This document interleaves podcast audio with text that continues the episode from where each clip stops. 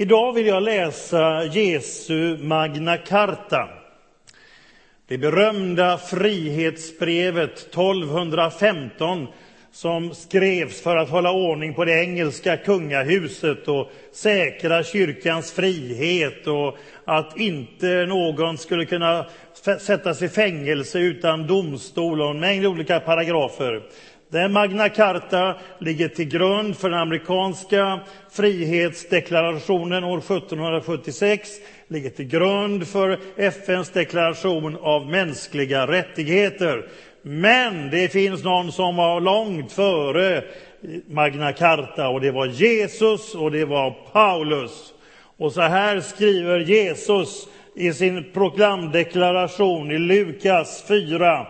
Herrens ande är över mig, ty han har smort mig till att frambära ett glädjebud till de fattiga. Han har sänt mig att förkunna befrielse för de fångna och syn för de blinda och ge de förtryckta frihet och förkunna ett nådens år från Herren.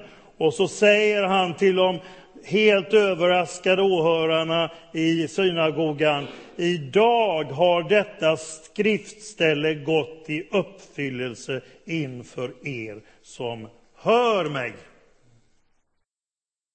Och det anspelar på jubelåret, nådens år, som man firade vart femtionde år i Israel då jordegendomarna återgick till den som hade det ursprungligt. Om man hade förlorat sin jordegendom, kommit i skuld och någon annan hade köpt det, så återgick det till ättlingen eller om den som hade ägt det, den familjen fick tillbaka det. Det skulle inte bli några storgodsägare, utan alla skulle vara säkrade att kunna ha sin resurs given. Slavarna blev satta fria, skuldbesatta människor blev fria och det blev man och åken och människan fick ett viloår. Hämta kraft och det hade man även vart sjunde år. Då så blev man också de som var skuldsatta, de fick en skuldsanering. Skulden avskrevs vart sjunde år. Marken vilade så att djuren och människorna fick hämta ny kraft. Och slavarna, det låter ju lite sådär, men de var jämställda som familjemedlem. Det var ett yrke. Det var inte som i den romerska, grekiska kulturen där slavarna verkligen hade det svårt. Och vi ska inte glömma av att i den första kristna tiden fanns det mer slavar i romerska imperiet än det fanns fria människor. Så den första församlingen hade väldigt många som var slavar. Men ni vet ju vad Paulus sen skriver. Det är Magna Carta, hans Galaterbrev. Eh, men ville du, för att du hade det så bra hos din familj, så kunde du välja att bli slav där inom citationstecken för resten av livet. Och då satte man en träkil i örsnibben som talar om att jag har det så bra här, här vill jag stanna för gott. Det är detta nådens år, detta frihetens budskap som Jesus anspelar. Ibland har det varit en debatt, är det bara andlig syn och så vidare? Eller är det fysiskt, eller är det frihetsbudskapet? Gäller det enbart den inre friheten eller omfattar det hela livet? Det är klart det omfattar hela livet. Det finns ingen sån uppdelning hos Jesus. Läs Jakobs brev kapitel 5 nu, vad Gud säger till de arbetsgivare som hade undanhållit arbetarna sin rättmätiga lön. Det är raka puckar från Gud. Det står att de outbetalade lönerna ropade till Gud. Det blev högsta prioritet från Gud och han säger sätt igång och betala ut dem. Kom igen! Jag älskar rätten men avskyr orätten. Det handlar om hela människan.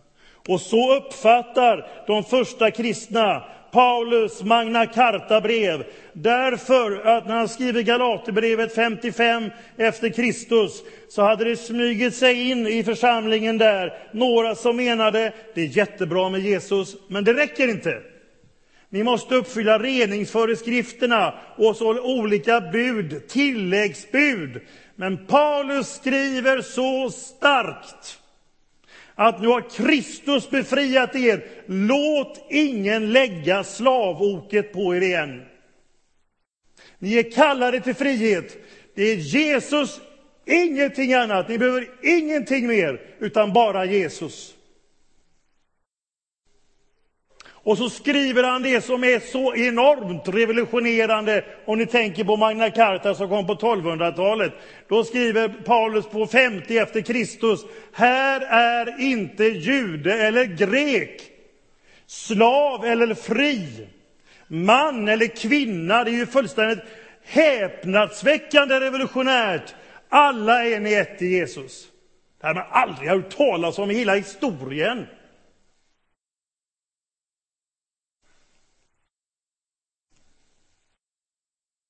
Enormt frihetsbrev. Och överallt i världen idag där kristendomen växer så det knakar, i Afrika, i Asien, Latinamerika, vissa delar av Europa, så står friheten i centrum. Man uppfattar det som ett frihetsbudskap. Om jag nu gick ner på Alberts torg med en enkätundersökning och stod där en timme utanför Hemköp och frågade människor vad tänker ni på när jag säger kristendom? Vad är det första du får i huvudet? Eller vad tänker ni på om jag säger ordet kyrka? Vad är det första du får i huvudet? Tror ni ordet frihet skulle hamna tio i topp? Ja? Tyvärr inte.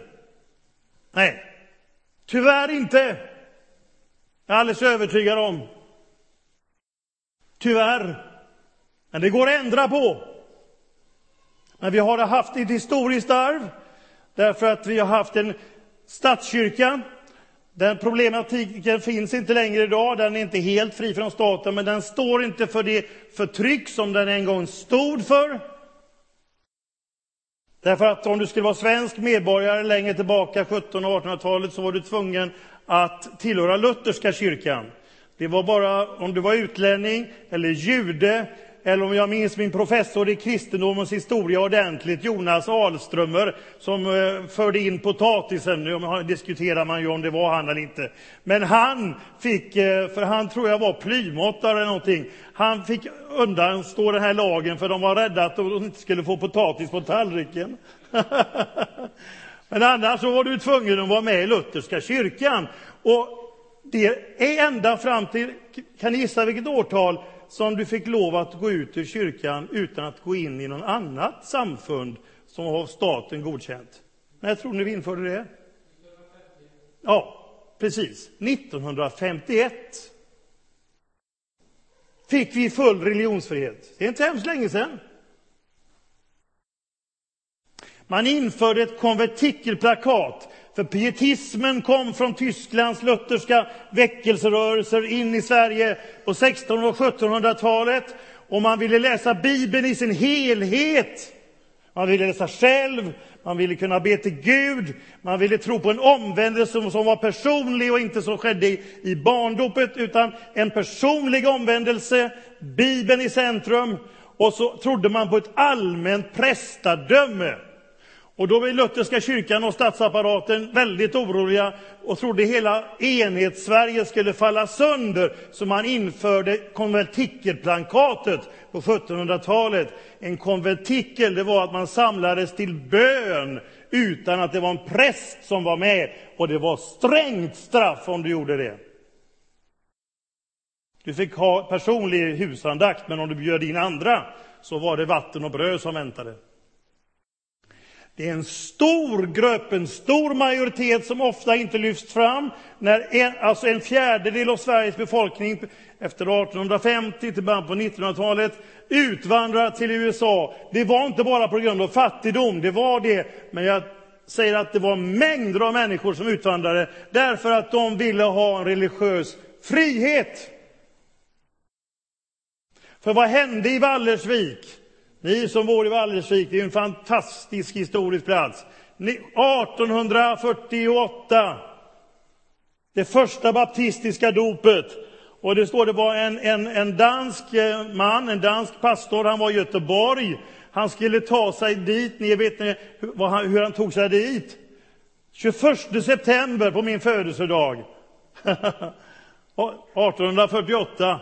På kvällskvisten, för det var livsfarligt det här det de gjorde. Och de var väl medvetna om det.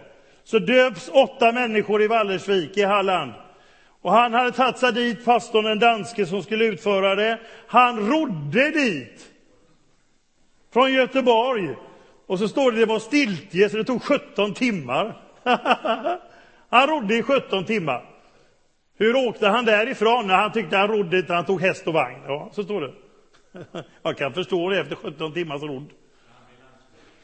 Det blev, det blev, han lämnade landet, men F.O. Nilsson blev landsförvisad, den som blev grundaren av, så att säga, han blev säkert landsförvisad han också, eh, för han fick nog skyndsamt lämna Göteborg, men där bildades första baptistförsamlingen, första frikyrkoförsamlingen, av F.O. Nilsson, som hade kallat på den danske pastorn. Han var sjöman och hade mött baptismen i USA. Han blev landsförvisad och landsmän, eh, landsfiskalen eller länsman och prästen jagar dem överallt.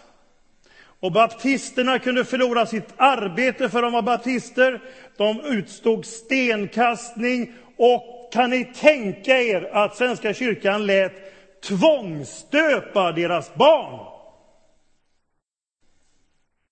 Det är inte så långt tillbaka i historien.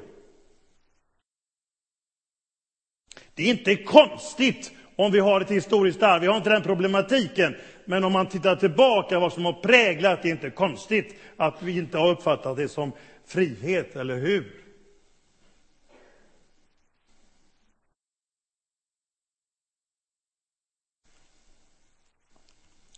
Så hände något fantastiskt år 2006. Det svenska baptistsamfundet har återigen årskongress i Vallersvik. Och vi var med från Tullbokyrkan och hjälpte till att resa tält och man får ha såna vakter och hjälpa till, ni vet. Den gången, den veckan, så var det full storm. Och det blåste så mycket så att det gick inte att ha tältet uppe.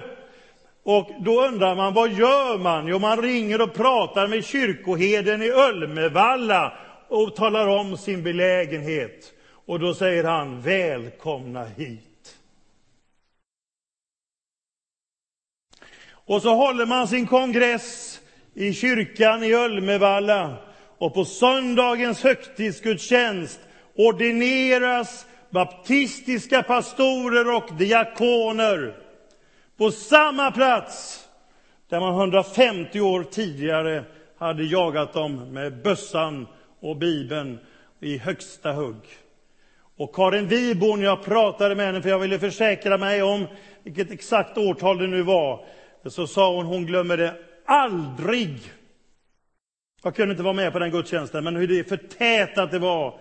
Vilket historiskt vinslag. Och vem låg bakom det, tror ni? Vem log allra mest den dagen? Jo, det var ju den som är vindens herre, eller hur? Vinden blåser vart den vill, står det.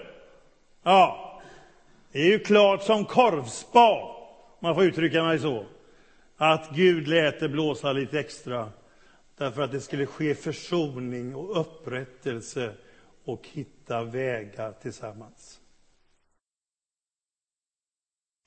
När svensk frikyrkorörelse bryter fram på 1800-talet så stod frihet, nykterhet, demokrati, Arbetarnas situation, det stod högt på dagordningen. Man uppfattade Jesu budskap som frihet personligt och också för hela samhället. Och man kan läsa det i olika sånger.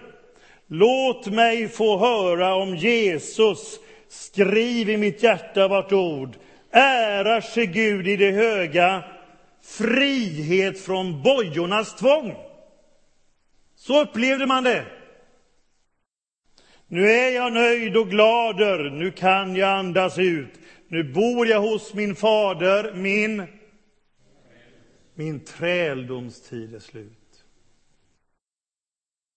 Och det var frihet, det var religiös frihet från staten, frihet från alkoholens förbannelse som håller på att fördärva hela landet, spelberoende och du, vad du nämner vad du vill. Och huvudordet det var frälsningen. Jesus är frälsaren. Och vi vet att det är ett gammalt nordiskt ord för frihalsad. Det säger vi inte så ofta idag, men frihalsning. Dels användes det om bojorna som sattes så här. De som blev fängslade fick halsbojor. Och när man skulle ta en berusad så hade man en tre meter lång stång med en sån här klo, klo på där och så tog man och bara tryckte till den berusade man var dum flera meter. Man kunde hålla honom borta flera meter och så satt den runt halsen. Han satte greppet direkt och så bara in med han i finkan. Frihalsad. Vi har blivit frihalsade, sa man. Den första nykterhetslogen i Sverige den eh, bildades 1900, förlåt mig, 1879 Eh, av baptistpredikanten Olof Bergström hemma hos poliskonstapel Hagman vid Fyrmästaregatan i Majorna i Göteborg. Ett 40-tal personer medverkade i mötet. Och det spreds med en enorm hastighet. Och ända fram till 50-talet så var majoriteten av riksdagens ledamöter organiserade i nykterhetsrörelser. Det är ni mina vänner. Undrar vilken siffra vi skulle få idag.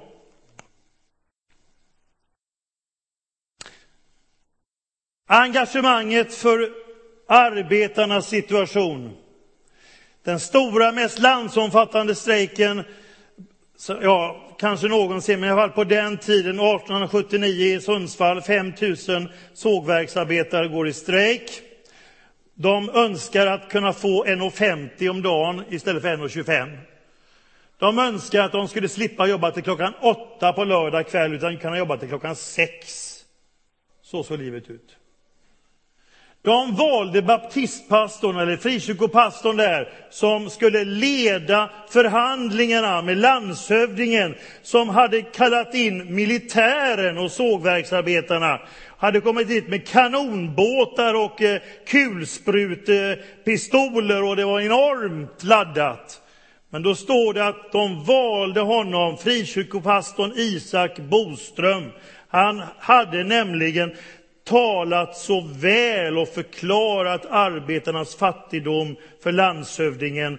Och i hela denna gryende fackförenings och strejkkassa bars upp av de frireligiösa som hade erfarenhet av föreningsliv. Det var missionsförbundare och det var baptister och olika så som bildade denna. Och jag minns när Tage Erlander han var intervjuad och han sa att det svenska demokratibegreppet föddes i frikyrkan. För det hade drängen och godsägaren en röst var och kvinnan, mina vänner, 1850 fick kvinnan rösta. Hur lång tid tog det innan det tog i svenska samhället? 1900, ja, 1921. 70 år senare kom vi underfund med att det kanske är att kvinnan får rösta. Det fick hon göra redan då. Och Tage Erlander sa det, det, det är absolut frikyrkans arv. Människor lyftes ur misär, ur dryckenskap ur, ur, och företagsamhet blomstrade. Man fick ett internationellt engagemang, man sände ut missionärer och långt innan samhället här hade fattat galoppen att man skulle bry sig om omvärlden så gjorde man det. Det var en tydlig fokus. Sen kom tyvärr August Palm som fanns med i eh, förespråkare för socialismen, ateist och våldsam angripare på religionen som tyvärr fördärvade så otroligt mycket så att de frireligiösa skrämdes bort ur arbetarrörelsen. Även om det långt sent om sidare bildades olika fraktioner för kristna i olika partier. Men det blev så. Även så för nykterhetsrörelsen fick en ateistisk ordförande och så blev det uppdelningar, en kristen och en annan. Tyvärr, för jag undrar så, hur skulle det ha sett ut om det hade fått fortsätta med Jesus i centrum och nykterhet och en rättvis arbetsmarknadspolitik. Det hade varit otroligt spännande. För kristendomen handlar om hela livet. Vad ska vi då göra för att människor ska höra frihet idag? Ja, vi ska inte tona ner någonting eller anpassa oss eller urvattna oss eller bli som pastor Jansson som Hasse Alfredsson skojar med, en, en pastor som inte hade några bestämda åsikter om någonting alls. Nej. Eller som Hoola Bandoola Band sjöng på 70-talet, när vår präst från konfirmationen står och pekar i det blå, vet man inte om han visar vägen eller känner vilket håll vinden blåser åt.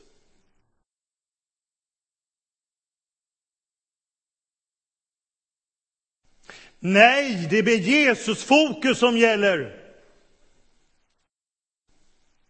Vi sysslar inte med det perifera. Tyvärr under 40 och 50-talet så fastnar en hel del frikyrkor att det plötsligt blir så viktigt var broschen satt någonstans på kvinnan eller om man eh, såg på speedway eller ja, ni vet. Alltså det fanns en fromhetsiver som jag respekterar, men den gick överstyr när vi hamnade, fastnade i massa detaljgrejer som inte hade ett dugg med Jesus att göra.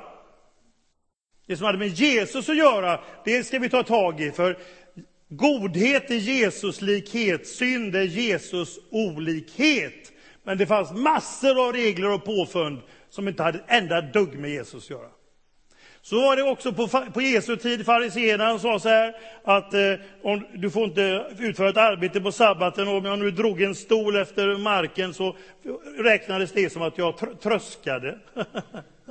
ja, vi går inte ut och tröska med stolen.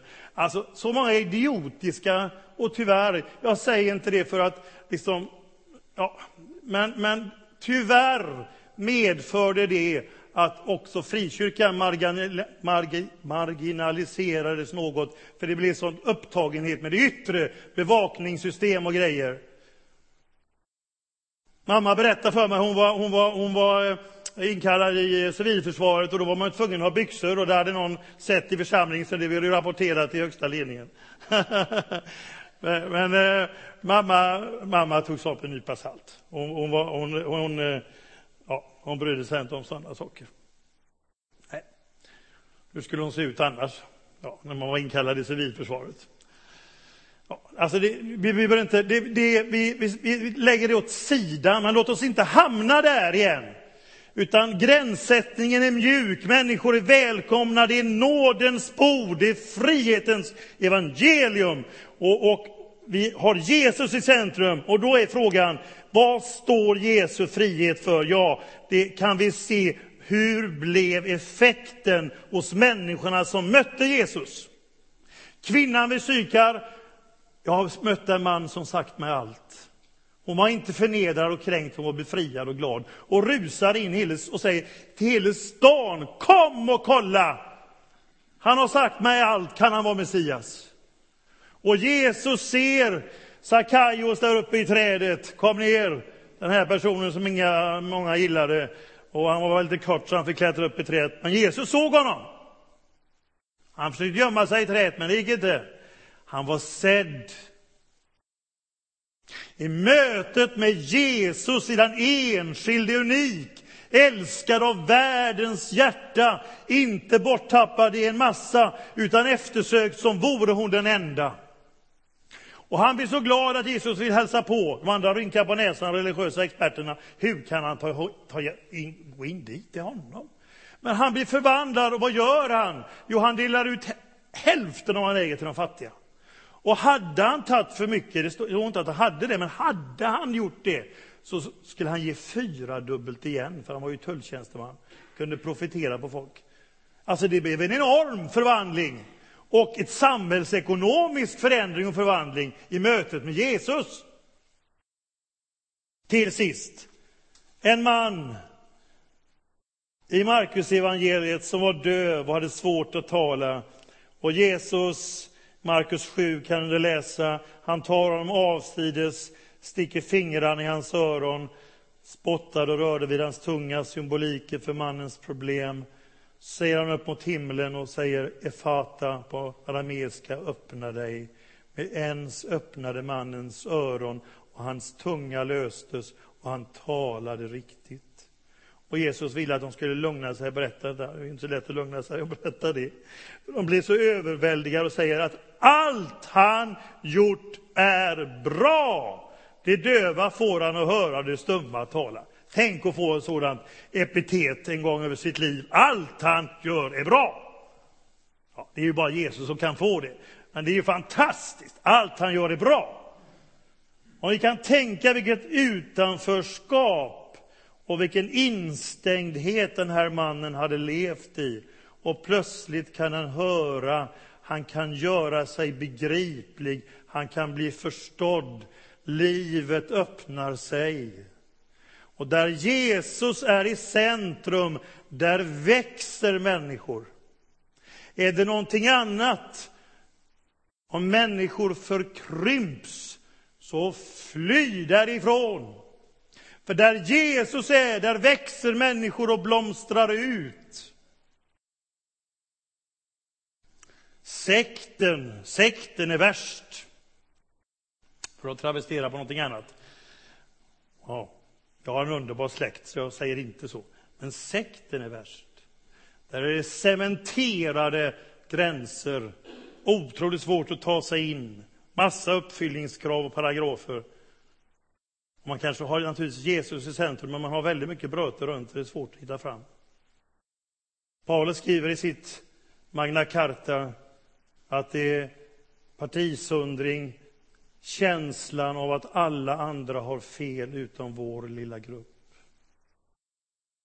Odla inte elitism eller sekt, liksom, utan nådens evangelium med Jesus i centrum.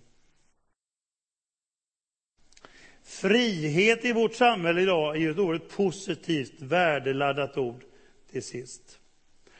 Man kan tänka vad man är fri ifrån, bundenhet och människors förväntningar och det kan finnas eh, hel del förtryck och så, men man kanske glömmer av vad man ska vara, göra av sin frihet, vad man är befriad till. Och idag har många gjort jaget som sitt livsprojekt. Tidningen Vi som finns, den skulle egentligen heta Jag idag. Jag gör mitt jag till mitt livsprojekt. Och det är inte svårt att räkna ut att det kommer hänsynslöshet in i bilden. Man bryr sig i stort sett bara om sitt jag. Gott att läsa bönen Fader vår, giv oss vårt dagliga bröd, hela tiden i vi-form. Men idag så vill många människor hålla alla dörrar öppna utan att förpliktiga att, eller överlåta sig till någon eller något. Och det finns ett uttryck som jag tycker är så jobbigt när någon säger ja, jag kommer då om ingenting annat kommer emellan. och jag tycker det är så jobbigt. Kanske säger så fall någon gång, men det är så jobbigt. Varför kan man inte, kan man inte säga ja eller nej med en gång? Ja? Jag kommer om inget annat kommer emellan. Jag menar, hur kul är det?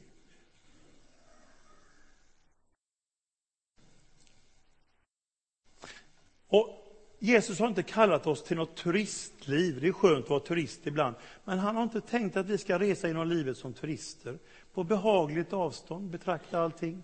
Och bara glida runt på en räkmacka. Nej, han har inte kallat oss till fritidsnöje där vi får klämma in kyrkan och Jesus i almanackan en liten bit i alla fall, i allt det övriga som håller på. Nej, han har kallat oss till en frihetsrörelse.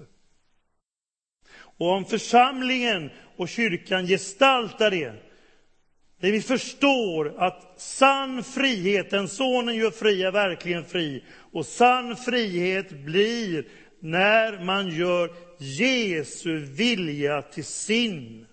Då blir du sann och äkta. När Michelangelo får frågan, när han har gjort renässansens mest fantastiska skulptur, kung David i marmor, så säger man, hur kunde du göra en sån fantastisk David? Och så säger Michelangelo, det var ingen konst, jag tog bara bort det som inte var David. Ja. Jag tog bara bort det som inte var David. Så vill Jesus göra med dig. Han vill ta bort det som inte är David. Så du kan vara sann och äkta. Ingen av oss blir perfekta. Men, men, men det handlar evangeliet om.